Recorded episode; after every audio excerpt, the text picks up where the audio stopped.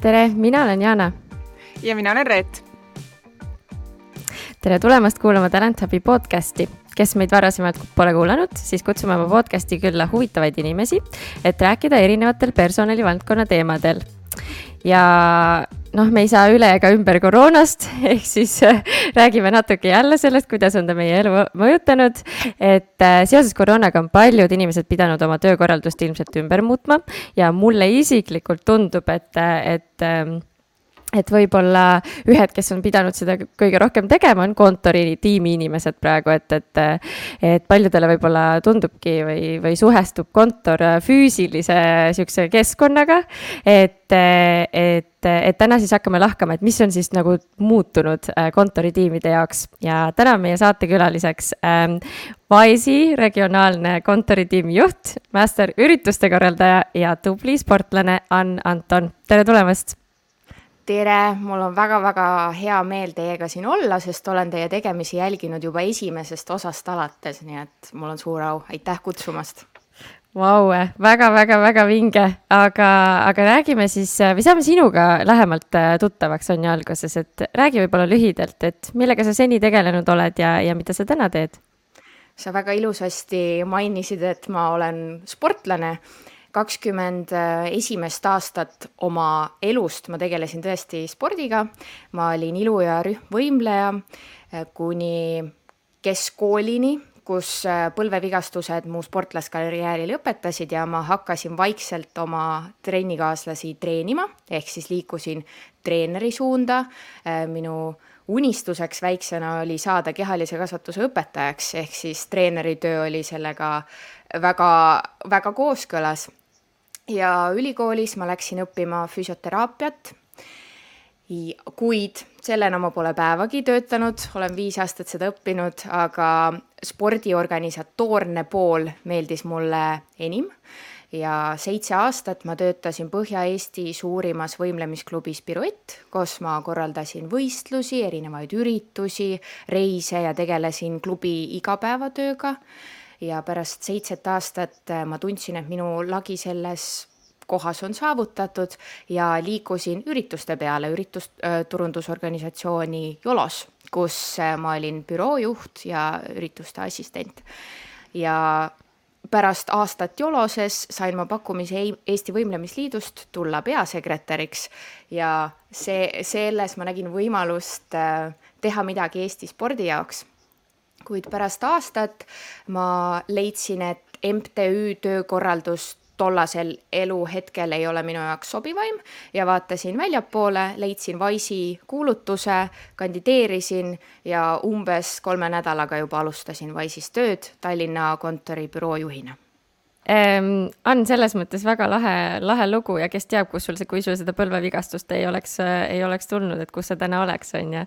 aga võib-olla räägime siis, et kes või mis on olnud sinu suurimad karjääri mõjutajad ma ütleks, et alguses olid õpetajad, kes, äh, kui ma ütlesin neile, et ma tahan saada kehalise kasvatuse õpetajaks, ütlesid, et Ain, sinus on pisut rohkem potentsiaali ja siis ma hakkasin mõtlema väljapoole, et okei okay,, mida ma siis veel spordiga seoses teha saan. Ja füsioteraapia tundus väga põnev. Se, senimaani tegelikult inimkeha ja füsioteraapia, kõik, kuidas see toimib, on minu jaoks põnev väga lahe, aga võib-olla sul on ka mingisugune lahe story rääkida tööle kandideerimisega või, või, või sa oled ise kindlasti palju inimesi värvanud, et, et, et äkki saad midagi rääkida ja jagada meiega? mul on eh, mitu lahedat story't, aga ma jagaksin kogemust, kui ma kandideerisin ühte advokaadibüroosse. see intervjueerimisprotsess oli väga-väga intensiivne, et seal olid erinevad testid, seal oli isiksuse test, seal oli loogilise mõtlemise test, ruumilise taju test, arvutioskuste test, inglise keele test, et see, see oli väga intensiivne, kuid ma arvan, et äh, nende töötajad, kes seal on aastaid töötanud, et näitab seda, et nad tegelikult värbavad õiged inimesed oma ettevõtte jaoks. aga mis rollile sa siis kandideerisid? Ma kandideerisin assistendiks, ühe tiimi assistendiks sinna okei okay., ja isegi siis oli, oli kõvasti teste, nagu näha. jah. aga mida on äh, võib-olla eriolukord ja uued standardid sulle isiklikult õpetanud, et, et mis meeldib, mis mitte? minule tegelikult viimane aasta on olnud väga positiivne, kui varasemalt ma reisisin üsnagi palju, kord kuus kindlasti olin mõnes erinevas kontoris, mu päevad olid üsna intensiivsed, ma alustasin tihtipeale juba hommikul kuuest, viiest, tegin trenni enne tööd ja tegin palju rühmatrenne, siis nüüd viimase aastaga ma olen seda täiesti muutnud. ma magan rahulikult, ma teen pigem joogat, ma käin jalutamas, et ma olen kehaliselt poolelt läinud rohkem meelelisele ja vaimsele poolele, et ma pööran rohkem tähelepanu oma vaimsele heaolule ja tundele väga, väga lahe, ma arvan, et, et see on kindlasti oluline selles situatsioonis, milles me, milles me praegu oleme.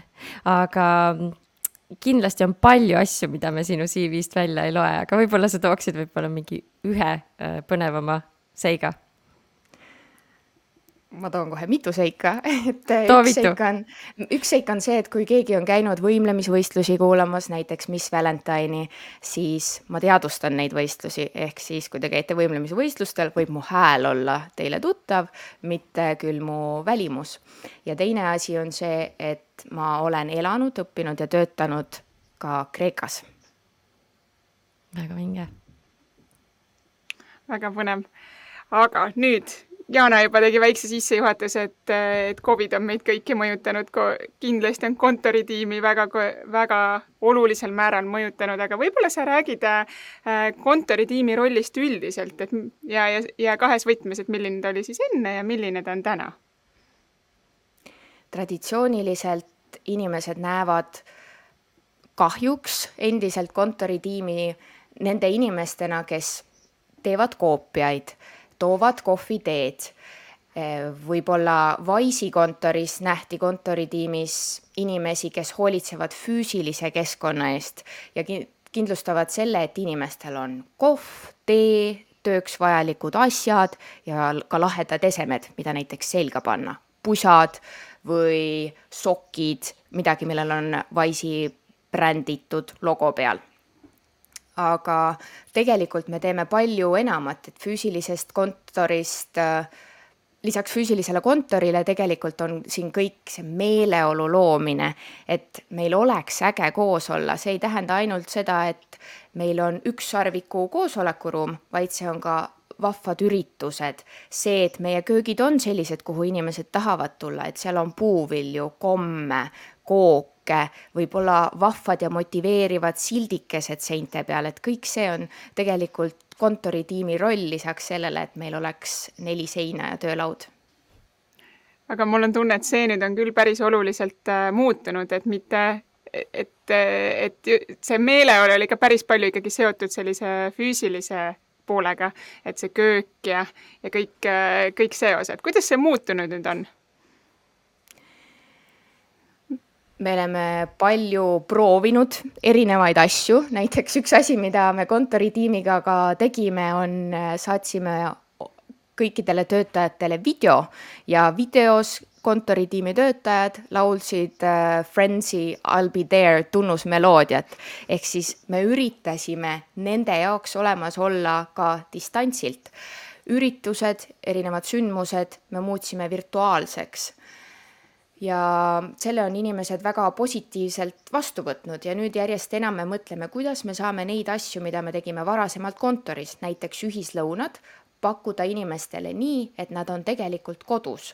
Õnneks on ja on järjest enam juurde tulemas erinevaid ettevõtteid, kes pakuvad teenuseid, saab toitu koju kullerdada, ise, ise tellida, catering'i ettevõtted on läinud ka seda suunda, et nad pakuvad nüüd näiteks lõunat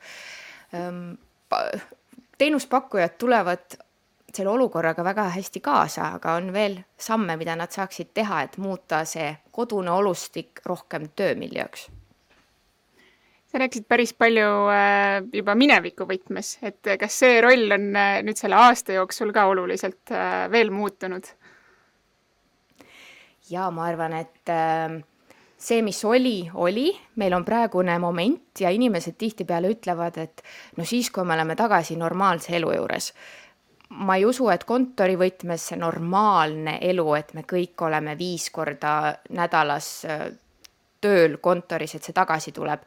hübriidtöö on siin, et jääda, ehk siis inimesed tahavad paindlikkust, nad tahavad olla vahepeal kodus, vahepeal kontoris ja ja see hetk, mis praegu on, see ongi meie uus normaalsus, see on see, kus me peame toimima, et kui me korraldame midagi või mõtleme millelegi, hakkame midagi pakkuma, siis see peab toimima kindlasti nii kontoris, füüsilises keskkonnas kui ka kodus või võib-olla keegi tahab töötada kuskil ühistöötamiskeskuses või restoranis, igal pool peab olema sama teenus, sama toode me vist konkreetsete näidete juurde läheme natukene veel hiljem, et, et mis need asjad siis on, mis te olete teinud, aga ma võib-olla küsin veel sinu kohta, et ja, ja kontoriinimeste sellise nagu natuuri kohta, et nad on tegelikult sellised inimeste inimesed, need on kohe kindlasti need inimesed, kes siis kirjeldades, kui sa võtsid, võttes arvesse su eelnevat kirjeldust, need on inimesed, kes tegelikult tahavad üksteist nagu näost näkku näha.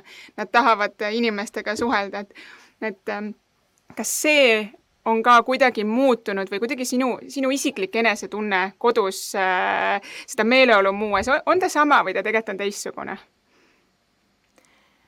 ta on teistsugune ja tulles tagasi su küsimuse juurde või tegelikult ka väite juurde, et äh, kontoritiimi inimesed on teistsugused, jah, me oleme äh, väga sõbralikud, väga avatud, väga paindlikud ja just see paindlikkus on see, mis meid ka kodus aitab.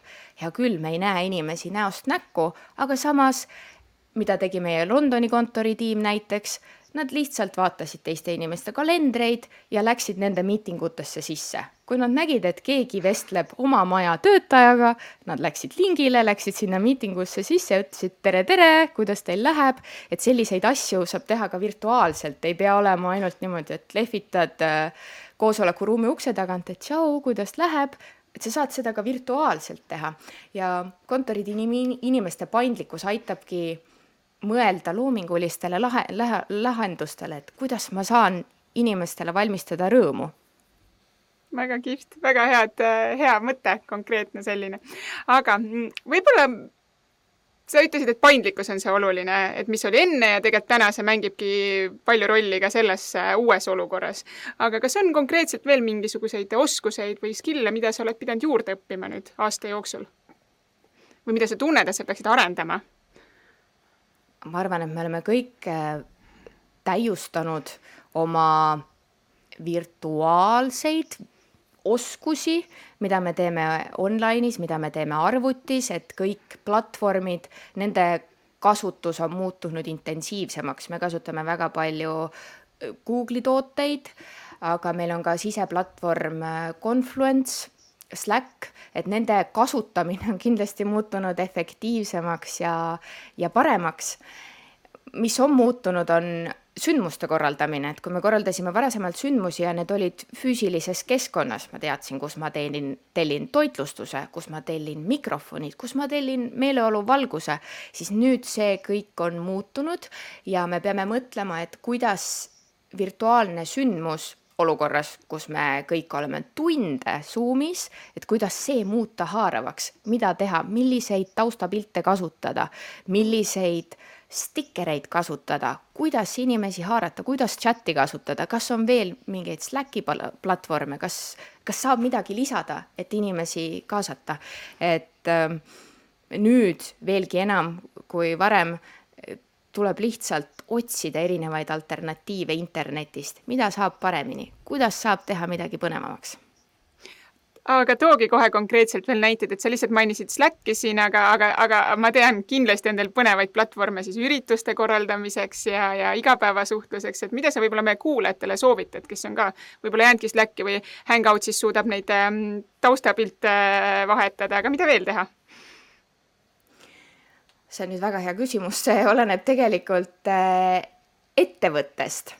Ja mina soovitaksin proovida erinevaid mänge ka Zoomis erinevaid küsimusi, küsida üksteiselt küsimusi, teha joonistamisi, jagada ekraane, jagada oma lemmikmuusikat, teha Spotify playlist'i, mingeid asju, mis inimesi ühendaksid ja mõelda kastist välja ma ei tooks mitte ühtegi konkreetset platvormi välja, sest ma arvan, et igale asjale, kas me räägime produktiivsusest, ürituste korraldamisest, on väga palju erinevaid variante ja versioone ja see sõltub äh, IT-võimekusest, see sõltub rahalistest vahenditest, mida keegi saab kasutada, aga, aga tasub otsida, uurida teistelt ettevõtetelt, mida keegi kasutab ja õppida üksteiselt no meil, meil selles mõttes sponsoreid tõesti ei ole, et me ei reklaami kedagi eraldi välja, aga, aga samas kuulaja tihtipeale lihtsalt tunneb, okei okay,, põnev, tahaks ka sellist joonistamisvõistlust teha, aga kus ma siis nagu ikkagi pihta hakkan, et võib-olla mingid mõned näited, et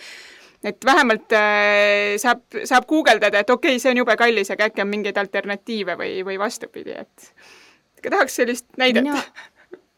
ja mina soovitaksin koostöötamiseks kindlasti on äh, ettevõtetel palju planeerimisi, ühistöötamisi.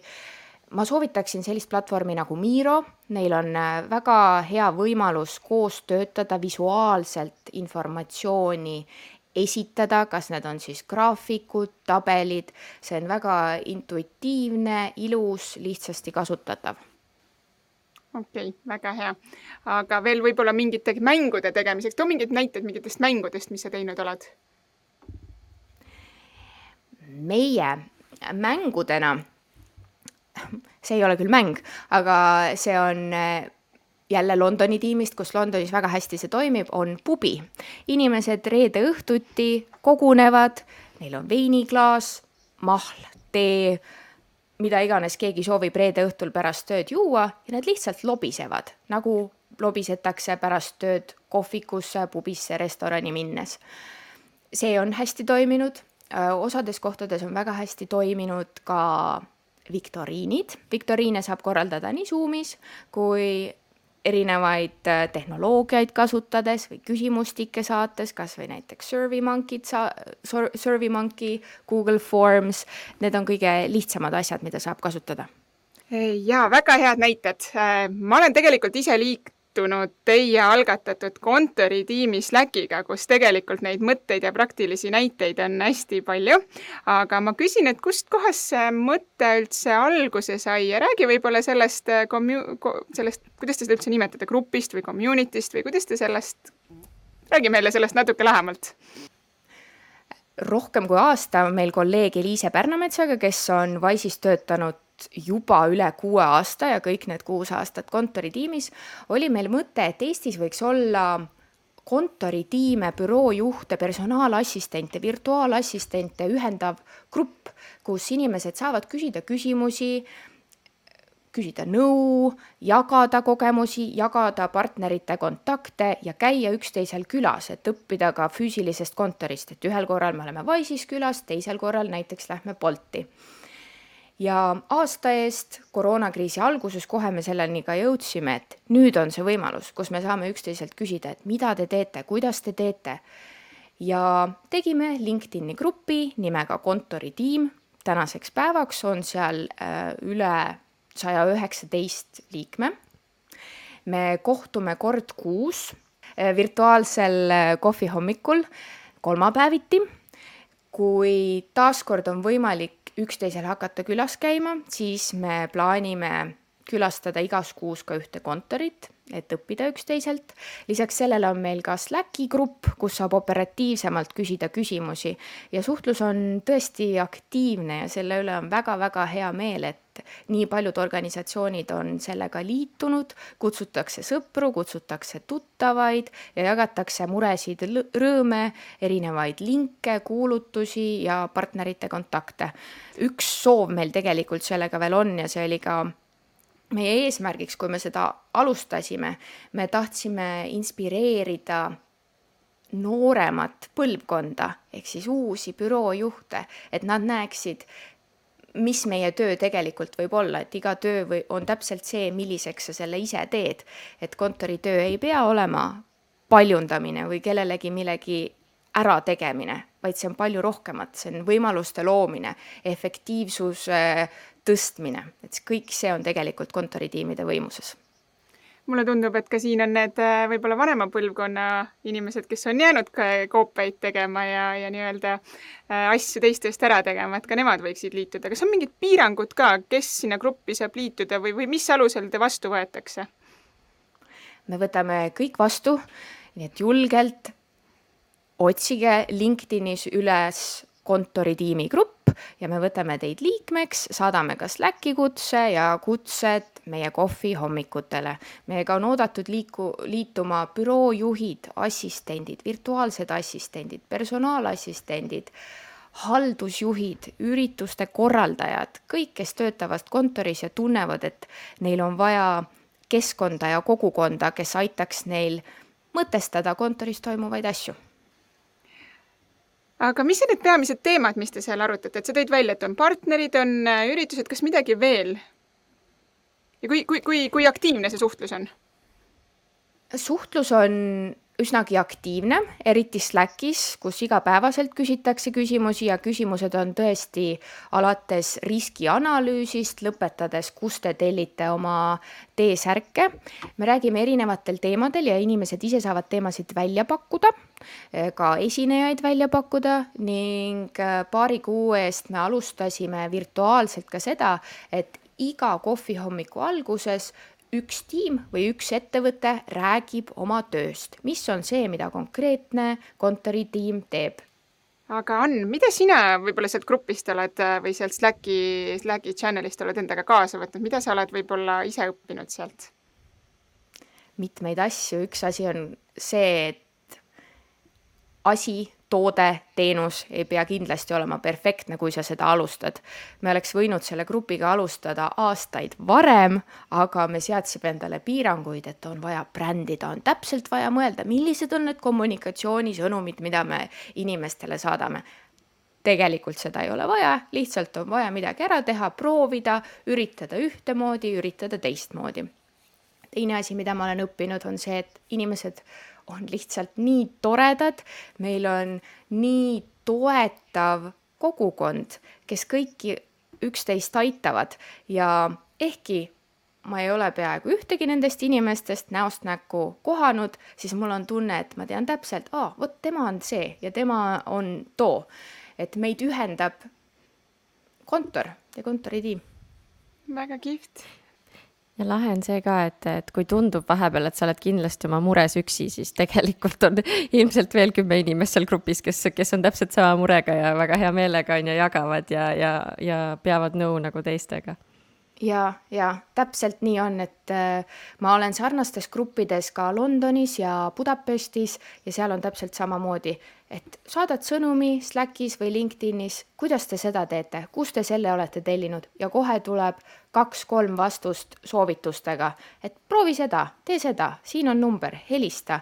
Ja see on tõesti imeline, et ei pea jalgratast leiutama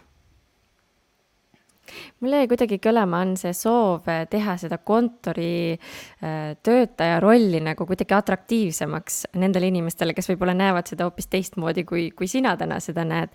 et, et sa mainisid, et see on soov, aga kas te juba liigute selle nimel, kas te olete juba midagi teinud, kas mingisugused jutud juba käivad eh, grupis? grupis ei, ei käi praegu vestlust sel teemal. grupp toimib justkui iseseisvalt, ehk siis keegi liitub, ta teab, aa, mu sõbranna on seal. Ja kutsub omakorda selle inimese kaasa, niimoodi meil grupp laieneb. mida me peaksime tegema, on võtma ühendust organisatsioonidega, kes koolitavad bürootöötajaid, sest selliseid on meil Eestis mitu. Ja see võib-olla võikski nüüd olla selle järgmise aasta eesmärk, et esimese aasta eesmärk oli teadvustamine, et mis see kontoritiim on, kogukonna kasvatamine, siis järgmise aasta eesmärk võikski olla jõuda uute värskete bürootiimi inimesteni, kes õpivad, kes vastavad teatud standardile, kutsestandardile. Siit üleskutse ka, et kui Ann või, või grupp ise ei jõua teieni, siis äh, võite julgelt äh, Annuga ise ühendust võtta, et ei pea ootama seda kutset täpselt nii. Just ja, ja tõesti väga-väga lahe algatus, ma tõesti loodan, et, et siis see järgmine aasta päriselt see lähebki täide ja, ja võtategi ühendust nende, nende kohtadega, kes koolitavad neid, neid inimesi. Ja, ja kui kellelgi silm läks särama, et kindlasti liituge grupiga ja vaadake, mis, mis siis kontori inimesed on, inimesed räägivad seal aga ma võib-olla tuleksin siis nüüd ähm, spetsiifilisemalt juba Wise'i juurde ja sinu, sinu nii-öelda teekonna juurde on siin selle koroona, koroona käes on ju, et, ähm, et äh, milline on võib-olla olnud see teekond sellest hetkest, et buum, nüüd läheb kontor kinni äh, ja, ja nüüd peavad kõik kodus töötama, et kuidas siis nagu noh, vahepeal on nii palju muutunud, kuidas nagu sina ja sinu tiim võib-olla leidsite nii-öelda selle enda siis rolli ja, ja, ja, ja mis, mis on toimunud kuni sellest, äh, sellest hetkest, äh, millal see kontor kinni läks, kuni siis tänaseni? kõigepealt ka natukene taustainfoks, Wise'il on neliteist kontorit üle maailma, on suuremaid ja väiksemaid ja nendest kontoritest töötab üle kahe tuhande kahesaja inimese osad kontorid, eriti väiksemad, on koostöötamiskos-, keskustes, aga suuremad kontorid Tallinnas, Londonis, Budapestis, Tampas Ameerikas ning Singapuris. Nendes kontorites käib igapäevane vilgas töö ja eelmise aasta märtsis hakkasid tulema erinevad ohusõnumid, et viirus on levimas ja me hakkasime juba märtsi alguses, võib-olla isegi veebruari lõpus uudiseid järjest äh, teravama pilguga jälgima, mis saab, mida tehakse. Ja ma arvan, et meie õnneks on kontorid erinevates riikides ja seetõttu me saime riikidest nagu näiteks Inglismaa väga põhjalikku infot mida kontorid Inglismaal peaksid tegema, sest sealne valitsus erinevatele ettevõtetele, organisatsioonidele saatis kohe suunised täpselt lehekülgede kaupa, mida tuleb teha, milleks, seletustega, põhjendustega, kuidas teha riskianalüüsi, et teistel kontoritel oli siis seda väga lihtne üle võtta ja mugandada vastavalt oma riiklikele seadustele. see aitas meid äh, väga palju, et me saime üksteisega suhelda, üksteiselt õppida koroonakriisi alguses kontoritiim kohtus peaaegu igapäevaselt, me rääkisime täpselt, mis on kehtivad piirangud, mida me teeme, kuidas saaks paremini, kõik jagasid oma kogemusi, oma partneritelt tulevat infot, sest et ka näiteks puhastusettevõtted suhtlevad omavahel väga palju, neil on omad standardid, mis toimib, mis ei toimi. meile tehti kohe väga palju ettepanekuid, et selle üle tasub ainult suurt rõõmu tunda, et meie partnerid on nii tugevad, et nad suutsid meid aidata ja nõustada. ja märtsikuus hakkasime me mõtlema ka väga intensiivselt sellele, et kuidas me saame inimestele pakkuda sama elamust ja eelkõige turvalisust ka kodukontoris, mida neil on selleks vaja, et hästi ka kodukontoris toimida ja toimetada, neil on vaja toole ja laudasid. Ja seetõttu me kohe mõtlesime, kas me saame kontorist need lauad, toolid inimestele koju viia, mõningatest kontoritest jah, mõningatest kontoritest mitte. kas me leiame kuskilt partnerid, kes saavad seda teha? Ning kohe koroonakriisi alguses me andsime inimestele võimaluse ka osta endale vajaminevaid tarbeid, et nad saaksid kodukontori üles seada. ja kevadel me mõistsime ka, et vaimne tervis ja selle toetamine on väga oluline seetõttu me panime kokku siseplatvormi leheküljed, mida saab teha, kuidas peaks töötama, võt-, võttes pause, mida saavad teha lapsevanemad kodus, et oma kodust olustikku muuta lihtsamaks, toimivamaks. et kõik tiimid, kõik personaliosakonna tiimid töötasid väga tihedalt selle nimel, et inimestel oleks ka kodus mugav ja hea olla ja nad saaksid töötada sama hästi, kui nad said seda teha kontoris ja väga põnev on see, et sa ütlesid, et hakkasite kohe ka nagu vaimse tervise eest nagu eh, mitte hoolt kandma, vaid võib-olla seda toetama, et kuidas, kuidas teie saaksite seda toetada, et kas see oli kuidagi nagu naturaalne, et kontoritiim võttis ka natuke seda rolli või kust see tuli? ja ma arvan, et see on äh, väga loomulik, et kontoritiim ja kõik personaliosakonna tiimid panustavad sellesse, et me teadvustame vaimse tervise olulisust, sest inimesed on nii oma töörattas sees, et neil võib täiesti kodus meelest ära minna see, et ma peaksin puhkama, ma peaksin, ma peaksin sööma, ma peaksin vett jooma, et kui kontoris neid visuaalseid märke sellest, et nüüd on aeg püsti tõusta ja kuskile minna, on rohkem kui kodus, sest kodus meil laua taga võib kõik asjad olemas olla, meil võib see joogipudel siinsamas olla ja tundide kaupa inimesed võivad lihtsalt istuda, olla koosolekust koosolekusse, siis tegelikult keha toimimise ja va terve vaimu kontekstis ei, ei ole see võimalik, et inimene on loodud liikuma, inimene on loodud kõndima, püsti tõusma ja vahepeal tuleb inimestele lihtsalt seda meelde tuletada, et kas te tõusite püsti, kas te tegite seda ja seda just positiivses võtmes ja kasutada ära kõiki tänapäevaseid tehnoloogiaid, näiteks Slacki, kus saab teha automaatsõnumeid, et inimestele meelde tuletada, kui kontoris meil varasemalt olid automaatsed meeldetuletused, mida tuleb teha, kui kuulete tuletõrjealarmi, siis nüüd oli see võimalik ümber muuta vaimset tervist toetavaks meeldetuletuseks mm. -hmm. väga, väga lahe, et, et kindlasti selle eest äh, selle eest nii-öelda hoolitsetakse, et me oleme sellest rääkinud päris palju, kuidas, kuidas töötajad tänapäeval juba ootavad seda, et tööandja tegelikult toetaks nende vaimset tervist ka, on ju. et ähm, aga ma võib-olla küsiks, et aasta tagasi teil olid mingid ülesanded, et kas teil on täna mingisugused ülesanded, mis, mis on täiesti uued, mida, mida nagu varem võib-olla ei arvanudki, et peaks tegema igapäevaselt tööl? Varasemalt keegi kindlasti ei mõelnud mida me teeme siis, kui on viirus või pandeemia. et see on asi, mis on meie tööle lisandunud, valmisolek kontori sulgemiseks ja taasavamiseks. et meil on olemas konkreetsed ülesanded, kes mida teeb, kui peaks kontoris olema näiteks positiivne juht või riiklikud suunised, et nüüd tuleb kõik kontorid kinni panna, et selliseid asju ja sellist dokumentatsiooni meil enne ei olnud, aga nüüd on see kõik olemas ja see muudab reageerimise väga kiireks. kõik teavad täpselt, mida teha, et kahekümne minutiga on asjad korras, on võimalik asjad ümber pöörata. see on nagu see tuletõrjeõppus, et, et nüüd on, nüüd on päris elu, et vaatame, iga kord saab kiiremini kontori tühjaks ja kõik, kõik äh, liiguvad koju, on ju. Abs-, absoluutselt, et äh, mis meid aitas, oligi see, et me mõtlesime nii, kujutame nüüd ette, et meil ongi reaalne situatsioon, kus me peame kontori sulgema tunni ajaga. et kuskilt tuleb alarm, tehke nüüd seda, mis on need sammud, mida me teeksime, ehk siis me testisime erinevaid asju lä läbi, mis toimis, mis ei toiminud, kas keegi jättis sõnumi saamata, kas kõik oli selge, kas kõik oli piisavalt informatiivne, et ma julgustan inimesi panema ennast erinevatesse olukordadesse ja proovima asju läbi, mis toimis, mis ei toimi, kus on see nõrk lüli, et raske õppustel, kerge lahingus, et lõpuks, kui on see reaalne olukord, siis kõik teaksid täpselt, mida tuleb teha.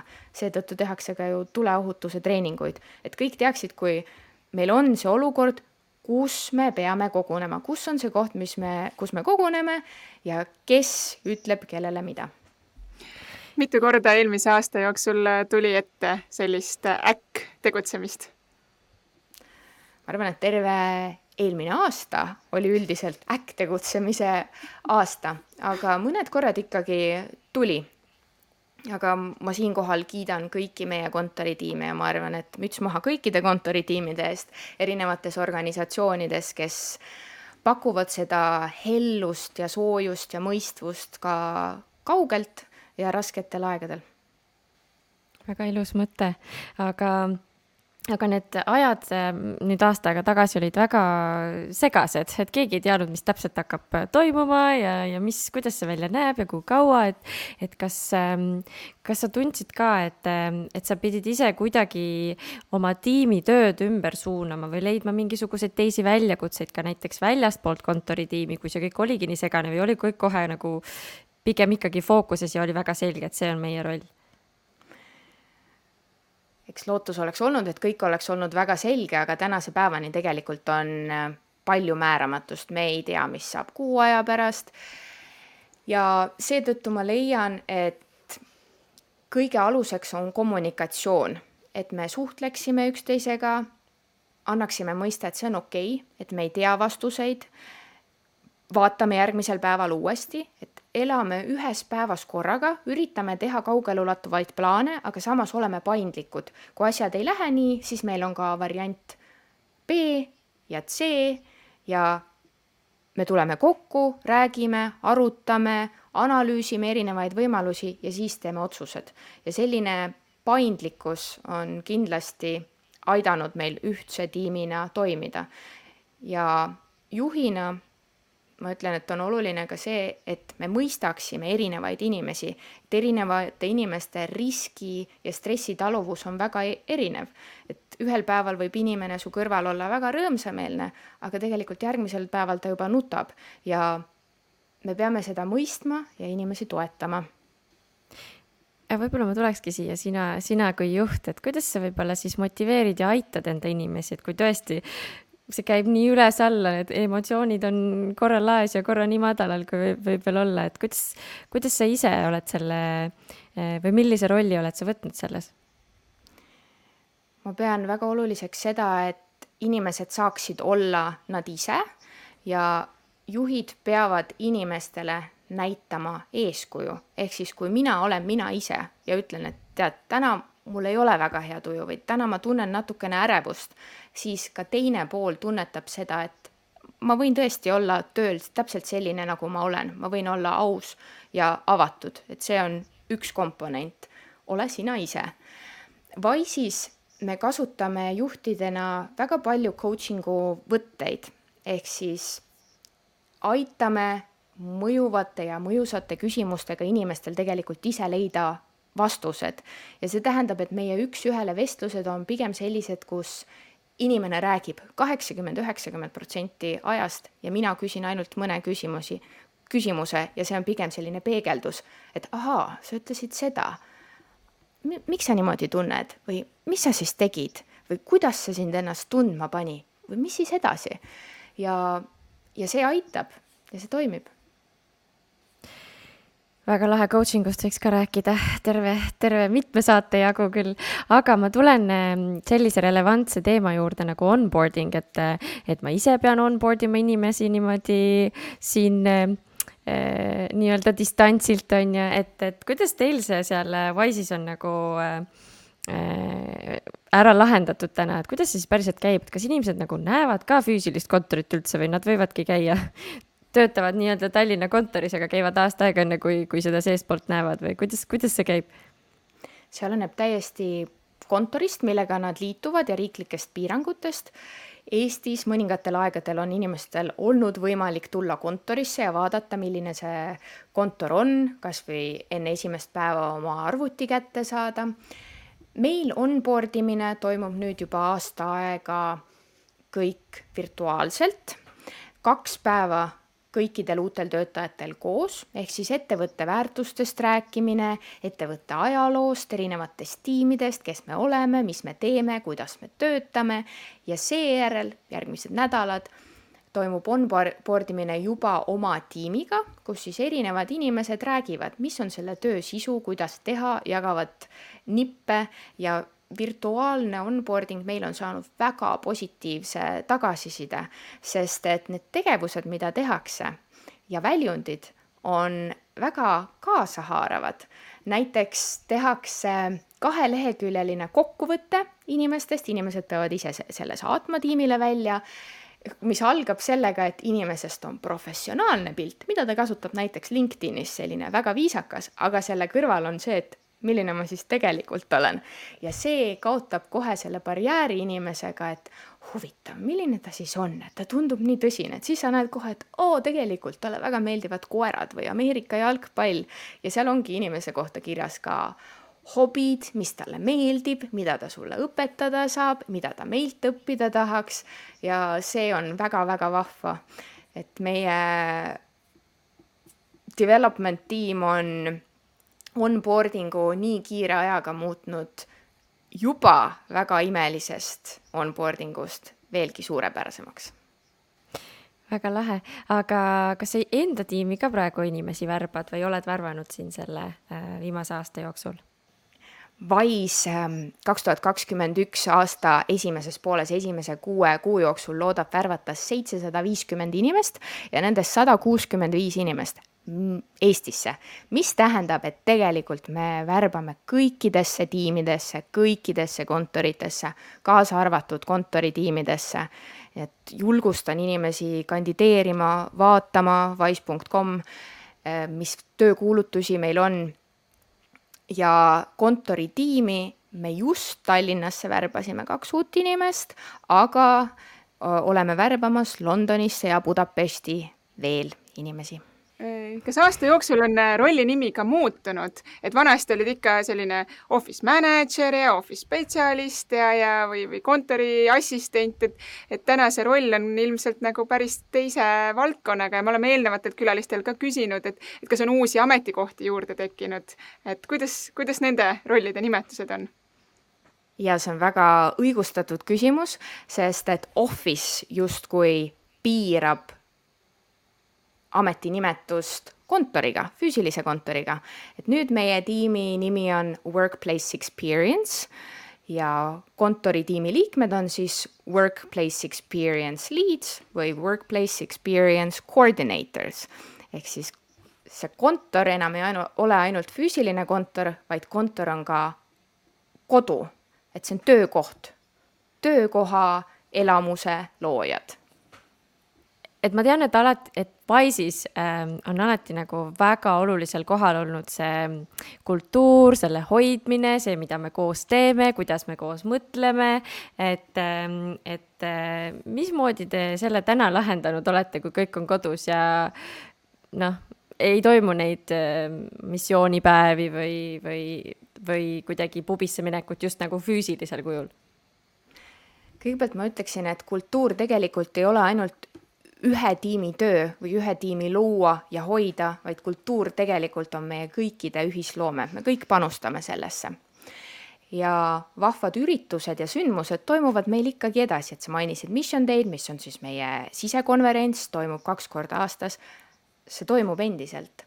osades kontorites äh, juunikuus oli võimalik seda teha ka päriselt kontoris ja nemad said siis kohtuda, koos olla, meie teised saime oma koduekraanidelt jälgida, mis toimub kontoris ja tegelikult see oli positiivset meeleolu tekitav, et Aasias osades riikides on ju olukord paranenud või paranemas ja inimesed hakkavad vaikselt tagasi tavarütmi minema ja seega on rohkem võimalust käia kontorites.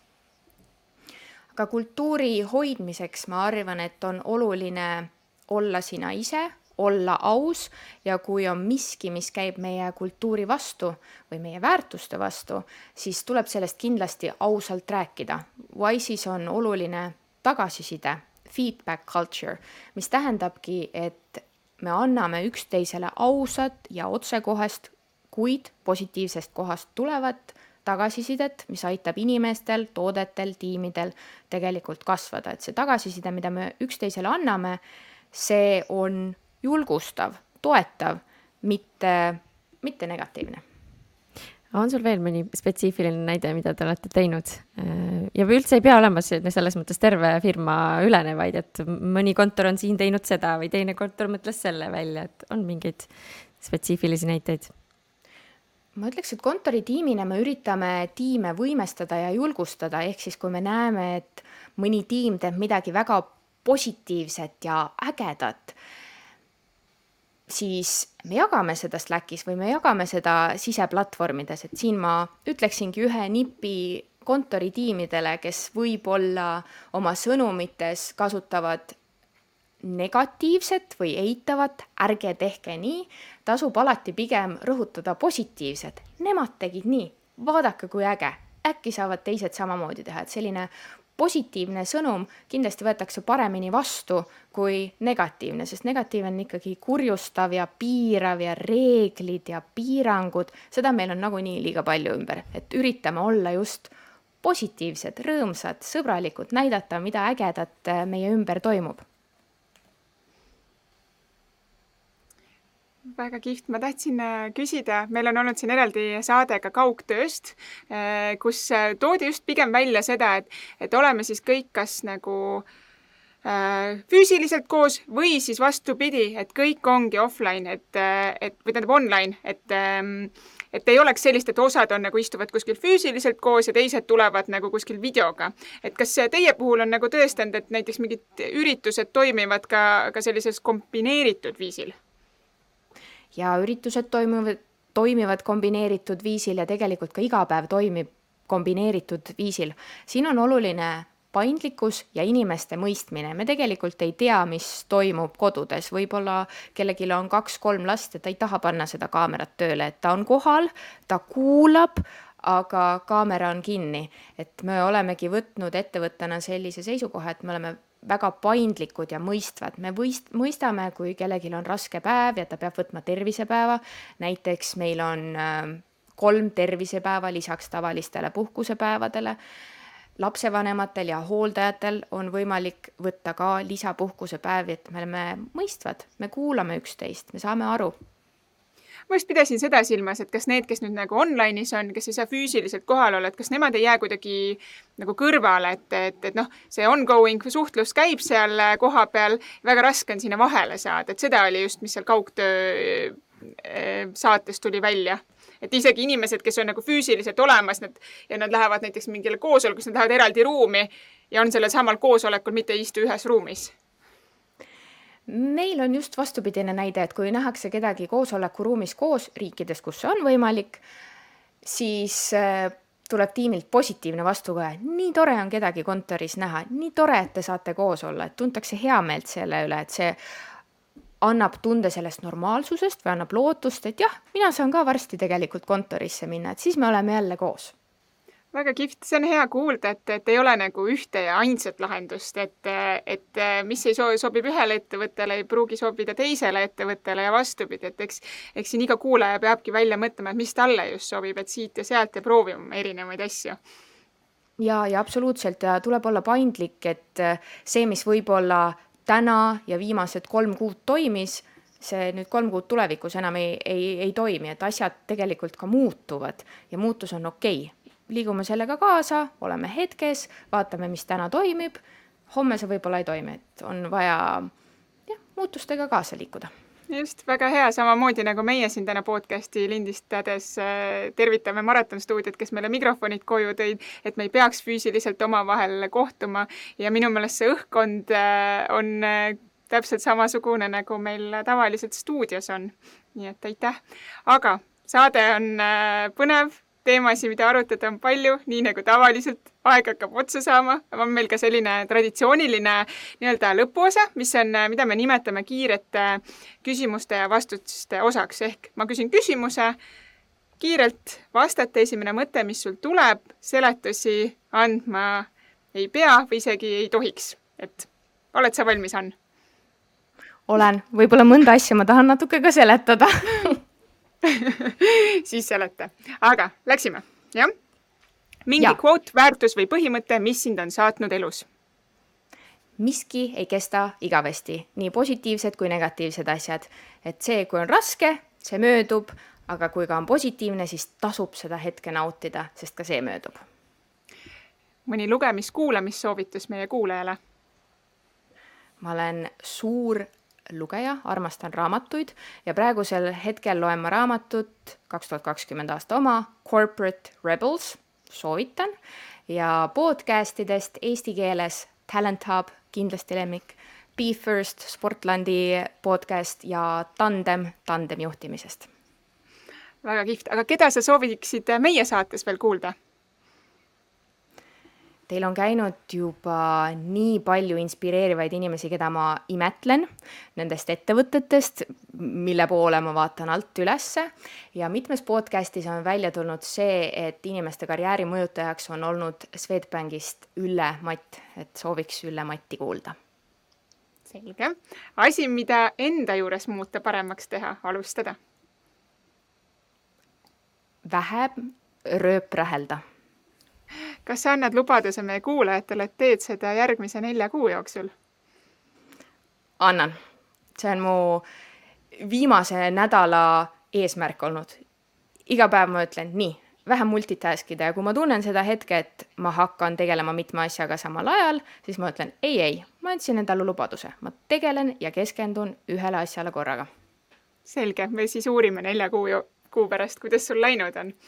Aga pikem äh, unistus, mida sa viie aasta jooksul soovid täita? tahaksin lohesurfi proovida. väga kihvt, aitäh sulle väga lahe, Ann, sinuga on jällegi nii tore olnud äh,, olnud jutustada, et, et lahe on näha, kuidas kontoritiim tegelikult on võib-olla enda rolli üldse laiemaks mõelnud ja, ja võib-olla põnevamaks ja see, mida seal, te selle community'ga ka tahate nagu äh, saavutada, on tõesti väga-väga tore, et et kontor ei ole see, et, et teed kellelegi kohvi ja koopiaid, vaid et päriselt, et me mõtleme, et kuidas, kuidas inimesi paremini toetada ja, ja, ja sinna, sinna hulka käib nii palju erinevaid asju, et, et sinust jäi küll kõlama, et oleme siis paindlikud ja oleme positiivsed ja, ja üritame siis inimestele mitte mingeid reegleid alla suruda, vaid, vaid fokusseerime siis positiivsetele asjadele iga päev. aitäh sulle, et sa tulid meie saatesse täna. aitäh kutsumast aitäh!